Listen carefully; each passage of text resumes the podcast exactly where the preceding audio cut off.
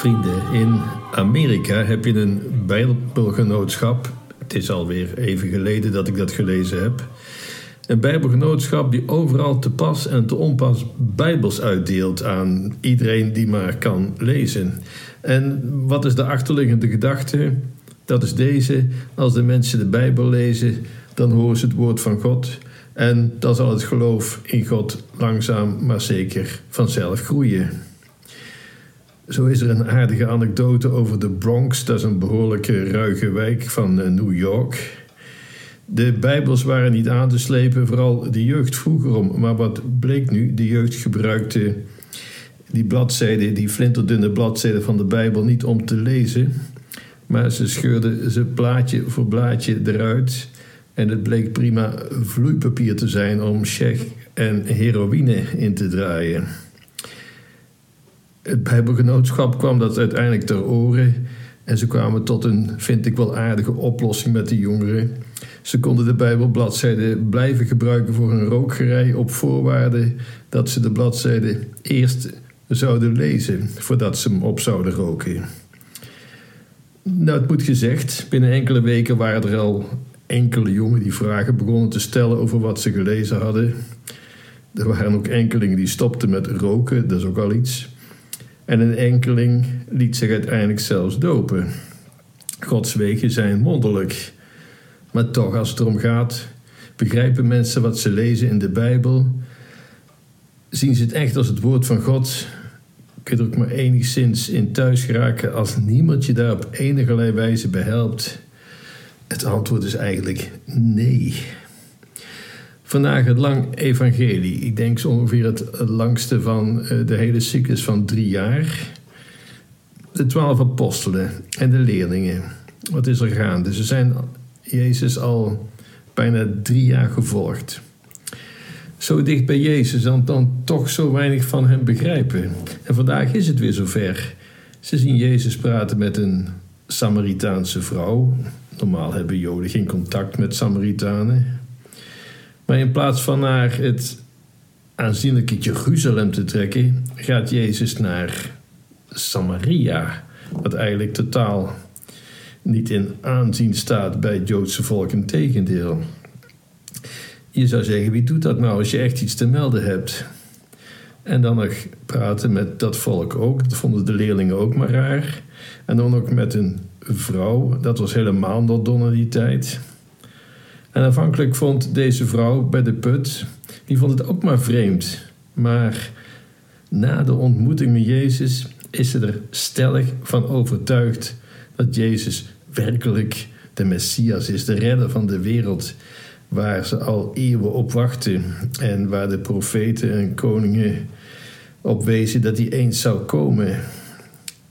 En Jezus zelf bevestigt daar dat Hij de Messias is, dat Hij de Verlosser is, de bron van levend water, van eeuwig leven. Zelfs de leerlingen van Jezus, die toch zo dicht bij hem waren, die waren nog niet tot die conclusie gekomen. Er was kennelijk iemand nodig die hen erop wees. Later, ja, ja later, na de verrijzenis, zullen ze ten volle beseffen. Zo gaat het altijd, denk ik. Telkens is er iemand anders nodig om ons de weg te wijzen naar Jezus, naar de Zoon van God, naar Hem die is de weg, de waarheid en het leven, de levensbron.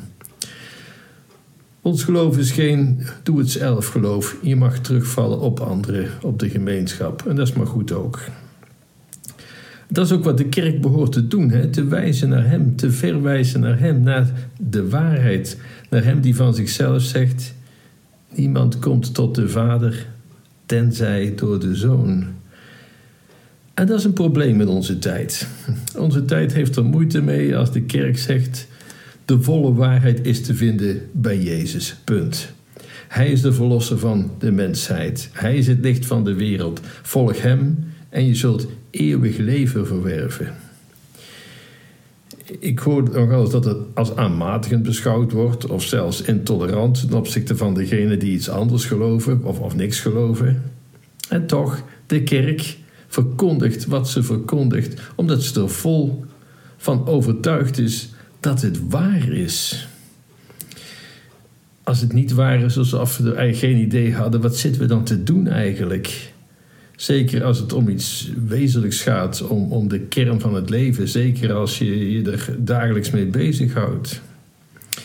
De kerk, het christelijk geloof, is die politiek correct? Nee, ik zal het u zeggen, nee.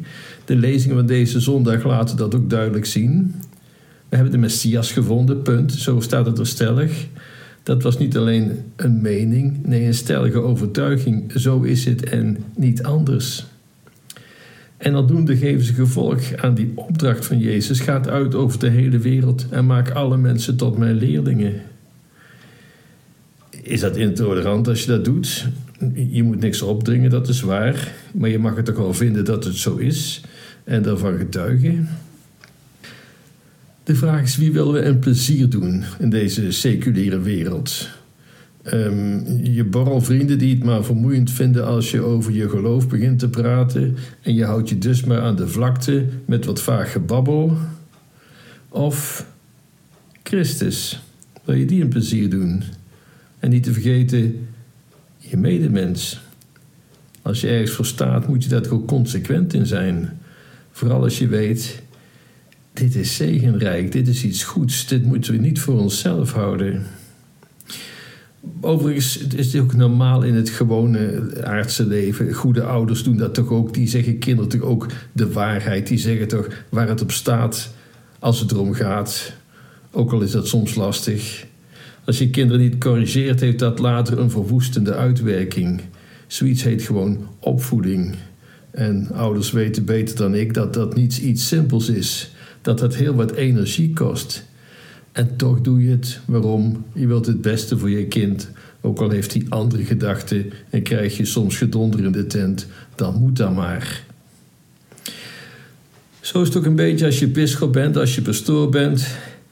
Het moeilijkste van ons ambt, nee, niet het bijstaan van mensen bij overlijden of zware ziekte, ook al is dat geen lichte kost. Ook niet week in, week uit, maar weer een nieuwe preek maken. Valt misschien ook niet altijd mee en ik weet ook wel dat u er niet altijd iets mee kunt. Nee, het moeilijkste is om het evangelie als waarheid te verkondigen. Jezus als de ene weg, als de waarheid. Hoe overtuig ik mensen in een tijd waar alles relatief is, waar, waar niks meer vaststaat, waar er geen ankerpunten zijn, waar er geen eikpunten zijn, waar alles maar als een mening wordt beschouwd en die kan morgen weer een andere zijn. Jij die jou, ik de mijne. Ja, en dan maar beweren dat je de waarheid in pacht hebt. En toch, als ik zomaar vrijblijvend wat vertel, wie is daar nou bij gebaat? U niet. En ik ben dan als bischop, als pastoor geen knip voor mijn neus waard. Is erbij gebaat? Ook Jezus niet. Die is niet geïnteresseerd in meningen, maar alleen in overtuigingen. Een mening kun je heel gemakkelijk vanuit je leunstoel met een kop koffie erbij heel vrijblijvend verkondigen. Het is heel gemakkelijk om vanuit je makkelijke bank solidair te zijn met de derde wereld en een paar euro over te maken, om er iets te noemen. Iemand met een overtuiging doet er ook daadwerkelijk iets aan. Juist omdat het niet vrijblijvend is. En die gaat erop uit. En die probeert ook zijn medemens op andere gedachten te brengen. Waarom? Omdat je het beste met hem voor hebt. Het is goed om de houding van Samuel aan te spreken, aan te nemen. Spreek Heer, uw dienaar luistert. In plaats van luister Heer, uw dienaar spreekt. Laat je iets gezeggen door de kerk, laat je iets gezeggen door Christus, door de apostelen, door de heiligen. Nee, dat zijn geen meningen, maar diep gewortelde overtuigingen die ergens op gebaseerd zijn. En we hebben daar argumenten voor. We kunnen het verantwoorden, we hebben argumenten. Bent u het bij tijd en wijle niet, niet eens met kerkelijke standpunten? Stel u dan de volgende vraag. Geeft u het geloof de kans om u te veranderen? Of bent u gemakzuchtig en zegt u: aan mij hoeft niks te veranderen, het geloof moet zich maar aanpassen aan mij?